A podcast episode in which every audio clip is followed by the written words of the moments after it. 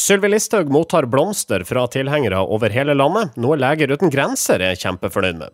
Statoil skifter navn, noe som selvsagt utløser både skryt og kritikk. Og Sindre tar oss med til 1600-tallet i tidsmaskinen sin. Vi er norske informasjonsrådgivere, velkommen inn.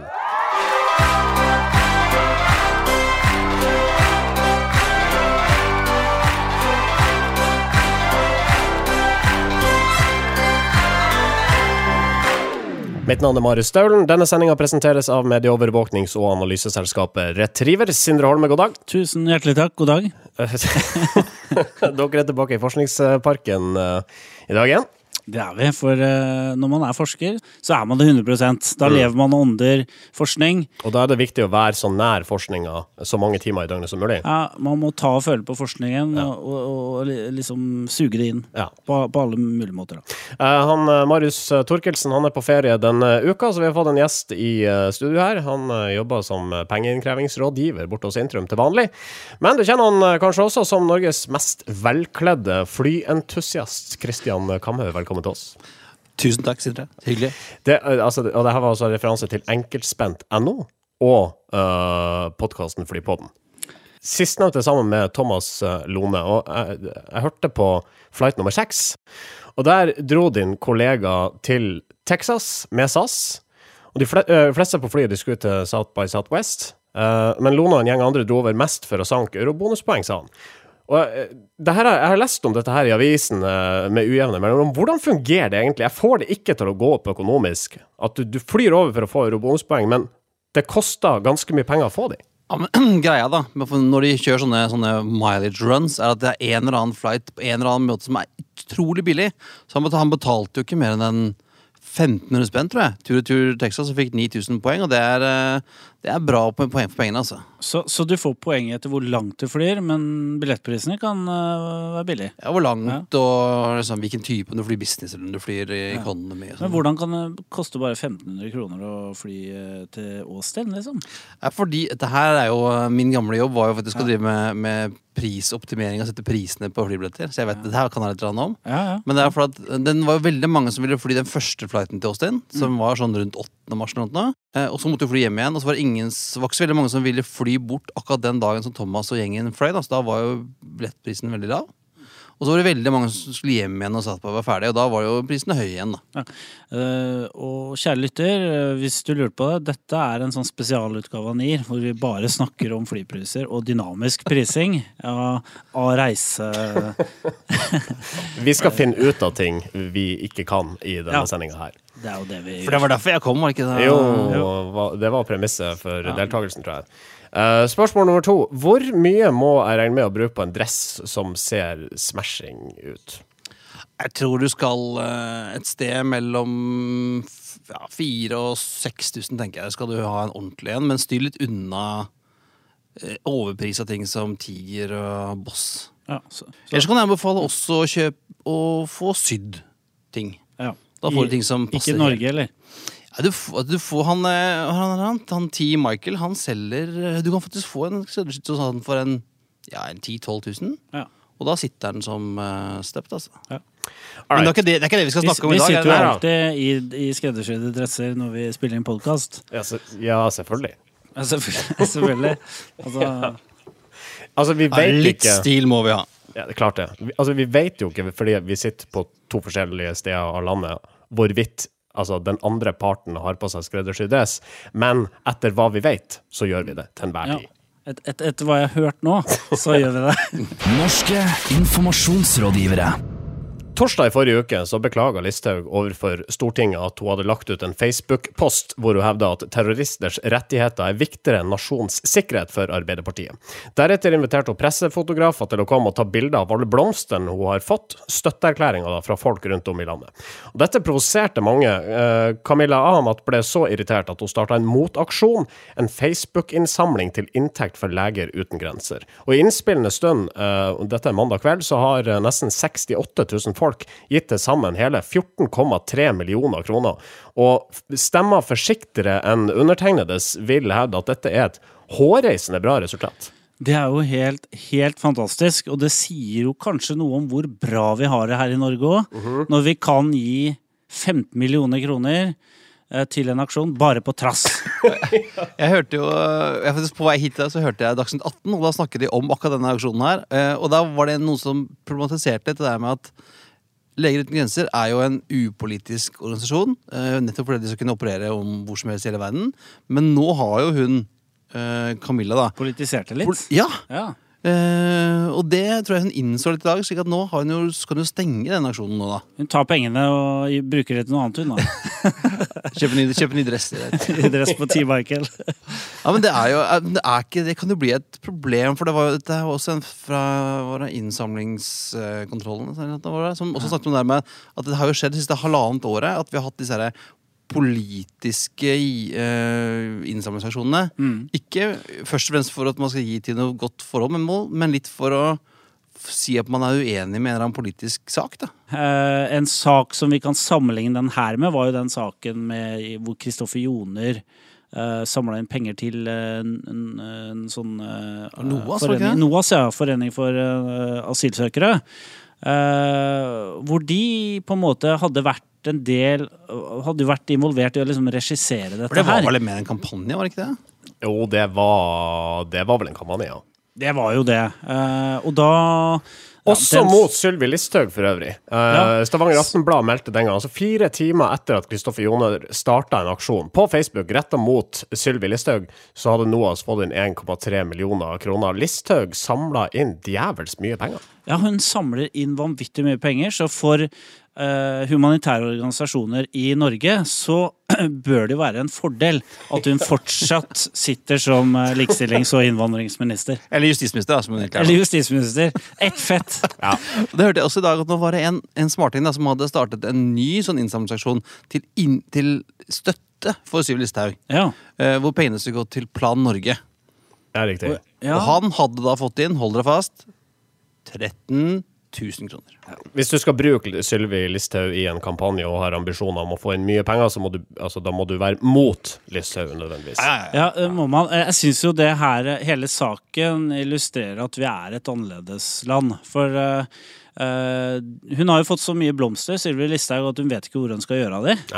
så hun måtte jo gå til begravelser og bryllup hver dag i et år for å klare å bli kvitt eh, alle blomstene. Så hun ville jo da Hun ba jo da de in, i, på in, intraweben, int, faen, intranettet, til Justisdepartementet, så hadde hun sagt at, eh, at de ansatte kunne komme og hente blomster. Men det hadde vakt litt eh, opprør internt, for det var noen som mente at dette var rasistroser. Er det, et, er det et nytt ord? Rasistroser? Ja, jeg tror det var et Årets nyord. Nyord. Ja, men det, var, det var jo noen av disse blomstene som kom fra innvandringskritiske grupperinger på Facebook. Eh, men en, en stor mengde av de var jo, så vidt jeg forstår, bare vanlige folk som, som, sendte, som sendte blomster. Jeg er så fascinert av den biten også. Altså Terskelen for å sende blomster til en politiker på Løvebakken jeg, jeg, jeg, jeg klarer ikke å se for meg et scenario hvor jeg ville gjort det. Men det er mulig at jeg ikke er noe Det er mulig at vi ikke Vi, vi er ikke i folkedypet, tror jeg, eh, rett og slett. Ingen av oss. I, i, her er vi sitter i våre skreddersydde dresser. Norske informasjonsrådgivere. Statoil har beslutta å skifte navn til Equinor. Ifølge pressemelding fra selskapet er navnet utleda av ord som equal, equality og equilibrium. At store selskaper bytter navn på denne måten, blir stort sett alltid møtt med både applaus og kritikk. Så er også tilfellet her. Kampanjen har snakka med direktør Eldar Sætre, som mener at det er både riktig og nødvendig for Statoil å gjennomføre dette navnebyttet. Vi har endret strategien vår, sier at vi skal utvikle oss fra å være et fokusert olje- og gasselskap til et bredt energiselskap. Og når vi bare har olje i navnet, så er jo ikke det noen dekkende beskrivelse av det vi skal gjøre som selskap fremover. Og når vi først gjør en slik endring, så var det heller ikke naturlig å ha med stat i navnet. Men eh, staten eier jo 67% av aksjene i eh, Equinor også, så, men, men det er tydeligvis en ambisjon om at, eh, at staten bør selge seg ut, siden de tar bort navnet, tenker jeg. Nå er det jo litt morsomt å nevne her at Statoil har jo alltid vært en skrivefeil. Så det er kanskje, det er, sånn sett er det greit at det kommer et nytt navn, for Statoil i ett ord er jo ikke måten man hadde ville skrevet Statoil. Ja, man ville jo skrevet det Stat og oil i to ord. Hvis det skulle vært State. Oil, da? Eller? Eller State Oil, ja. Kan jeg ta en sånn flynerd-referanse her, da? Sure. For det fantes et selskap, flyselskap på Torp som het Norsk Air. Eller sånn Statoil, Norsk Air. Ja, ja, ja, det er det. Uten å ø, ta stilling til selve navnet her, det, det gir mening det Eldar Sætre sier. Altså Hvis man skal over til andre typer energi, eller fokusere i større grad på andre energikilder enn de fossile i uh, framtida, samtidig som eh, man kanskje skal vanne ut statens eierandel i eh, selskapet, da er det kanskje naturlig at man også endrer dette navnet. Ja, for at, altså, Statoil er sånn norske statens oljeselskap, og så nå verken bare er statseid eller bare driver med olje, så er det jo logisk at det heter noe annet. Og da kan det jo hete Equinor eller Gult bord. Altså, det kan hete hva som helst, liksom. Gult bord, ja. Men det er jo noe med at dette er et selskap som, uh, som opererer i et uh, business-to-business-marked. Sånn at hva vi forbrukere mener Jeg skal ikke, jeg skal ikke på butikken og, og, å kjøpe en Equinor-sjokolade. Nei, og det er jo skifta navn på, altså på, uh, på den bensindistribuerende delen av uh, selskapet. Altså. Sta, det heter jo Statoil Fuel Retail, og det ble jo masse oppstyr rundt det også. Men nå tror jeg det tok, har jo ikke tatt lang tid, det har kanskje tatt et år. Så tror jeg folk nesten har glemt at det var en sånn herre eh, oransje dråpe i logoen, og at det het Statoil. Men, men for det er liksom, jeg tror han um, uh, jeg tror Alf Bendiksen er ute og sier akkurat det som du sier der, at, at hvem bryr seg egentlig hva det heter? Og om liten stund er jo alle som har glemt hva det Statoil-greiene var uansett. og det er jo, for som sier, det kommer hver gang. er det mye mas om at ah, dette er forferdelig navn, og hvorfor skal man bruke penger på det? Og, og dette betyr jo ingenting. Og så tenker jeg, ja, men hvis du ser på de mest verdifulle merkenavnene i verden, Apple, Google, Coca-Cola De sier jo heller ikke hva de driver med. Vi må vel forvente at, at styret i landets største og mest innbringende virksomhet vet hva de driver med. Ja, det skulle man tro. Uh, og, uh, men jeg, jeg syns det er litt dårlig forklart av han uh, Elda Sætre her hvorfor de har valgt det navnet. Jeg syns det er litt vagt, da. Eh, eh, samt, samtidig så er jo faktisk dette et navn som ikke er definitivt valgt nå, fordi at eh, den største eieren, staten, de skal jo behandle dette, navn, dette navnebyttet litt seinere i vår. Kanskje det kommer litt an på hva som skjer i, på tirsdag? Ja. Hvis Sylvi Listhaug blir olje- og energiminister, så blir det garantert bråk rundt det navnet. Men da kan vi kjøre en, en sånn lang innsamlingsstasjon til å få masse penger inn til Til olje og gass. Norske informasjonsrådgivere. På forsida av Dagens Næringsliv kan du klikke deg inn på en lang sak om eh, digital detox. Saken er historien om et byrå som spesialiserer seg på antidigitale løsninger. Tenk skrivemaskin i stedet for data, brev i stedet for e-post osv. Uh, byrået er konsulent for selskaper som vil kvitte seg med alskens moderne teknologi til fordel for det gamle og analoge. Det ligger en, eh, et videoklipp inni den eh, eh, saken som vi hører litt lyd fra. Mennesker blir for stimulert i dagens samfunn. Og da tenkte vi at dette må vi gjøre noe med. Da jobber vi da med antidigitale løsninger som skal få detoxa da hjernen og normalisert dopaminnivået og reseptorene, sånn at vi blir mer konsentrert for økt yteevne og produktivitet. Vi lager podkast som trykkes på vinyl i Tsjekkia og selges på Tiger. Ja. Hvis du ikke har skjønt det til nå, det der er ikke reelt, men reklame for selskapet Konica med Norta. Ja, og den, Jeg så den i dag morges uh, Når jeg gikk inn på dn.no på mobilen. Og så tenkte jeg det her uh, jeg synes det er Sånn der, eh, digital detox, det kunne jo vært sånn Thomas Moen-opplegg. Ja. Uh, så tenkte jeg ja, men jeg leser denne saken Logg her. av. Logg av, ja, nemlig. Uh, jeg så at det var, at det var sånn annonsørinnhold, eller native ads, eller hva det heter for noe. Men den, den var veldig godt skrevet. Jeg synes det var, altså, det var en interessant, Og den kunne måtte vært en sånn D2-sak om noen uh, smartinger som sitter i et sånn hipstermiljø nede i Fredensborg. Um, og gjør et eller annet sånn eh, nytt og fett. Og det var jo bilde av, De gutta hadde jo sånn svær bart og tatoveringer, og de så jo helt reelle ut. Så ut som triggerfolk, eh, kanskje. Jeg, jeg, jeg har lyst til å se mer ja, når jeg så den, eh, og jeg så den snutten hvor det kom, en av medarbeiderne kommer inn på sånn velociped og bare parkerer den, som om, som om ingenting har skjedd, Uh, med sånn 1800-talls snurrebart. Ja, ja. Og, så jeg, jeg leste hele saken og tenkte det var interessant. Og så tenkte jeg liksom ikke at det her var bare tull, før jeg kom til det, der- akkurat det han sier der med Og så trykker vi podkasten på vinyl i sjekka. Ja, ikke sant? Og, og det er jo der du trykker Hvis du skal lage vinylplate i dag, så, så trykkes det i sjekka. Det er helt det er helt relevant, altså. Uh, men det, her syns jeg på en måte DN sitt uh, slags ja, annonsørinnholdsredaksjon viser litt sånn muskler, da. Eh, altså, det er sånn Jøss, er det sånn type innhold DN-leseren vil ha, tenkte jeg når jeg hør, eh, leste dette her. Det er litt sånn DN-snitt over måten artikkelen presenteres på også, og, og, og den presenteres bra. Det, altså, det er jo fine bilder. Og sånn, det er en morsom måte som å fortelle historien på digitalt. Så jeg mener at den, den var jo superfin sak. Men det, det er jo en vanvittig omvei, kan du si. En lang vei med å uh, lage en såpass lang sak. Da. Vi leser, jeg leste jo hele, faktisk. Jeg er usikker på om alle gjør det. Jeg det er også hele saken, for den var, eh, for den var som sagt godt skrevet og fin. Uh, Fin fin presentert. ja, sånn, Ja. sånn God nerve liksom i den. Og så har jeg et annet bra, et annet bra sitat her. Jeg må bare si det. Den taktile opplevelsen. Den mekaniske feedbacken. Husk at ringpeimer har blitt brukt i tusenvis av år.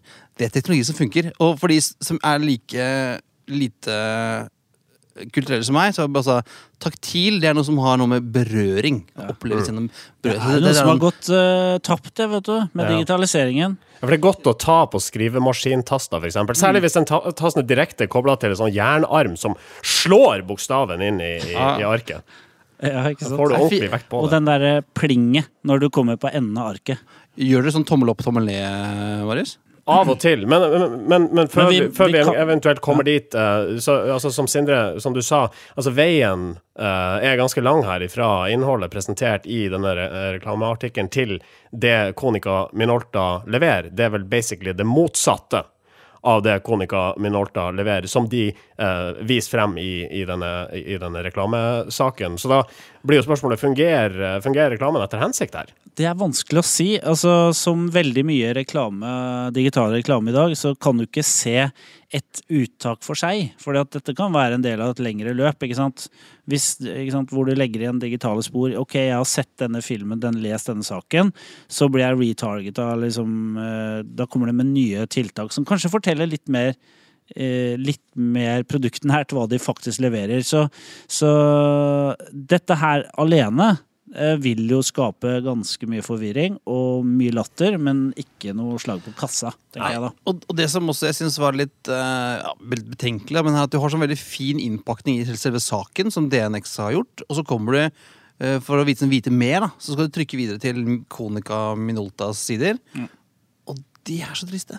Ja, ikke sant. Det henger ikke helt på greip. da Så de har gjort et, altså, gjort et godt håndverk i DNX, og så har de gjort en dårlig håndverk i det å, å gjøre, skape salg videre. da De hadde ikke budsjetter på IT-sjefen, sa nei. Satt ned foten. Vi har ikke penger til å øh, levere på dette fjaset her, sa IT-sjefen. Og da ble, det, da ble det litt sånn stopp, da. Ja. Men for all del, gjør nå den teite saken dere spurte oss DN, sa også sjefen. Eh, men vi kan prøve oss på en tommel opp eller tommel ned for Konika Konica Minoltas native advertising borte hos DN. Ja, tommel opp, da. Jeg vil, ha den, jeg vil dele den. Jeg vil gi en tommel opp til DNX, som har lagd et veldig bra produkt. Du har og to så- tomler, så kan Og så tar jeg en tommel ned da, for uh, hvordan Konica Minolta følger opp og prøver å gjøre salg av denne. Gutenberg. Pergamentrull. Tresko. Brevdue. Elektronikk. Fax. Nintendo 8-bit. CDR. Ja, ja, jeg sender pressemeldingen på Telex. Sindres tidsmaskin. Ja, vi skal eh, ut og reise i tid og rom igjen. Eh, Sindre, dette er de spalte. Ja, dette er min spalte, og denne gangen eh, skal vi faktisk reise et godt stykke eh, på vei. eh, I hvert fall i tid, Ja. som jo er det tidsmaskinen handler om, selvfølgelig. Uh, vi skal jo nå virkelig sette denne tidsmaskinen på prøve, for vi skal vi skal helt tilbake til uh, sein renessanse. Opplysningstiden. Her skjer jo mye i Europa på den tida. Her, eh, Vi skal opp til 1600-tallet. Nærmere eksakt, vi skal til 1680. Det er året da Karl den 11. innfører eneveldet i Sverige. Og tar fra adelen mye av makten eh, og privilegier. Elleve mennesker omkommer i et steinras i Øksnes. Det dumt. Viktig å vite. Veldig dumt for dem. Eh, fikk ingen etterkommere, uh, de, de stakkar. Uh, Thomas Blood, en irskfødt oberst kjent for å ha forsøkt å stjele Storbritannias kronregalier fra Tower of London, døde dette året. Synd for han. Ja. Men vi skal ikke dit. Vi skal til Tyskland. For dette er året hvor påskeharen for første gang opptrer i litteraturen. Oi. Ja, og, og her kommer jo også da starter også da spekulasjonene rundt hva har hare og påske med hverandre å gjøre? Og hva har egg med en hare å gjøre? Kan, kan det være at de hadde blanda nebbdyr og hare? Jeg vet ikke. De legger jo egg. Det er en del forklaringer på, på dette her, hvorfor eh, Og det, det skaper jo en del diskusjon i 1680, liksom hvor eh, Fordi at det, det kommer inn i litteraturen, og folk begynner å problematisere dette her. Altså problematisere realismen i at det finnes en påskehare og noe egg. Ja, hvor kommer, denne, hvor kommer egentlig denne haren fra? Ja. Uh, og en av forklaringene er, går tilbake til gresk mytologi. Uh, for her snakker de om haren som egentlig en, at den egentlig er en fugl. Eh, men at den ble eh, eh, gjort om til en, en firbeint, hoppende et dyr. som da kunne unnslippe en jeger. Oh, ja. Men Lepus, som den her karakteren heter, da, var lykkelig med sitt liv som Hare. Ja, om hare. eh, men den savna det å legge egg. Og derfor ga Ostara, som er da en gud fra gresk, i gresk mytologi, haren evne til å legge egg én gang i året. Og alle eggene fikk forskjellige farger. Hvorfor det, den siste biten, var det også eh, per harens ønske, eller var det bare for å gjøre det ekstra morsomt? Det er for at det skal bli litt uh, gøy i barnehagen uh, sånn rundt påske, Ja. vil jeg tro. Så dette er da 1680. Første gang eh, påskeharen dukker opp og skaper da eh, Furore. furore i, eh, i opplysningstiden i Europa. som jo er Det er jo en periode i Europa hvor man er opptatt av forskning, vitenskap, ikke sant. Så kommer det nå en dustete hare som kan legge egg. Det er jo helt urealistisk. Men du, du, har du, vet du om det kom denne eggleggende haren før det at tyskerne tok inn trær i huset sitt til jul? Er det sånn, er det, Det er vel også på 1600-tallet, ja. ikke det? Eller litt seinere? Vi, vi kan ikke finne ut av det i 1680, for det er ikke tema akkurat i år. Vi har ikke Google i 1680, dessverre. Nei, vi må tilbake igjen for å så google det, og det er en litt sånn prosess. Så det får vi komme tilbake til når vi er tilbake. Vi noter- noterer det på dataen når vi kommer hjem, og lover å ta det fram i ei senere sending. Yes, det gjør vi. Norske informasjonsrådgivere. Det er jo en veldig rar historie, da. Altså, en, en fugl som blir en hare. Hvorfor, hvorfor, hvorfor? Og, sånn, og, og så sier haren 'jeg savner å legge egg'. Hvorfor i alle dager savner du det? Det er bare helt uforklarlig. Men det er også en annen teori, og det er at det kristne symbolet for påsken, det er lammet. Og myten om påskeharen, er noen som mener, kan stamme fra dårlig tegnet lam. Som da ser ut som en hare. Altså, det er mye dårlige forklaringer på det. Okay. men den forklarer ikke hvorfor en hare legger egg, da. Ok. Um, på, på tuppen her, Kulturtanken er en eh, etat under Kulturdepartementet som har det nasjonale ansvaret for Den kulturelle skolesekken, DKS. Statens måte å bringe kultur ut i til 820 000 skoleelever rundt om i landet. Men nøyaktig hva Kulturtanken gjør i det daglige, er høyst usikkert, ifølge NRK. DKS administreres nemlig av kommunene og fylkeskommunene. Og til tross for dette så har Kulturtanken 45 ansatte oppe i Nydalen, og et nettobudsjett på nærmere 70 millioner kroner. Ja, eh, og der er det en som heter Tone Østerdal i Akershus fylkeskommune som sier til NRK at mange lurer på hva de driver med. Eh, og det er jo sant, for det, det husker jeg jo, Rikskonsertene ble jo lagt ned. Eh, og det ble desentralisert uh, drift av Den kulturelle skolesekken. Men det er, det er tydeligvis veldig vanskelig å legge ned statlige arbeidsplasser, da. Linn Marie Holvik borte hos Kulturtanken, da. Hun uh, forsvarer budsjettene og antall ansatte der borte. Ifølge henne så kunne de vært over 145. Holvik ble intervjua av NRK. Det er utrolig mye arbeid som er blitt gjort eh, internt i organisasjonen, både i forbindelse med omstilling, nedbemanning, oppbemanning og arbeidsoppgaver som vi vet trengs å gjøres. Altså, de trenger Det kunne vært 145 ansatte for å nedbemanne og oppbemanne. Det tar jo tid. Det folk altså, Ja, det er utrolig ressurskrevende å Man nedbemanne. oppbemanner ikke sånn helt uten videre. Nei, først må man nedbemanne før man kan oppbemanne. Og da må du ha bemanning for å kunne gjøre det. Ja, og de har, så de har jo slanka staben da, fra 57 til 45. Ja. Jo. Men da må du vel ha noen flere folk til å oppbemanne igjen, da. Ja, ikke sant? For det høres ut som at den slankinga fra noen og 60 var en gedigen tabbe. Og det, de jobber med en portal som etter planen kommer i 2019, og i den portalen så går det an å orientere seg rundt den kulturelle inni, antageligvis, den kulturelle skolesekken. Ja. Eh, og søke penger, eh, som jeg har forstått, da, eh, via denne portalen, som jo egentlig driftes lokalt. Eh, I neste uke så er det påske. Altså Vi starta med Palmesøndag nå på eh, søndag. Eh, jeg tror vel ikke vi har ordinær sending, har vi det? Nei, vi er vel litt usikre på om vi får til det, men vi har en ambisjon om å lage en påskekrim, for det har vi gjort de andre eh, årene. Eh, og vi føler at det er, det er absolutt noen som bør bli tatt livet av i år. Eh, Blir sånn, ikke- eh, det I hvert fall ikke- i, i, i fiksjon, da. Ja. Blir ikke ordentlig påske uten uh, Nier-krim, altså. Det gjør ikke det. Blir kanskje kanskje ikke det. Nei.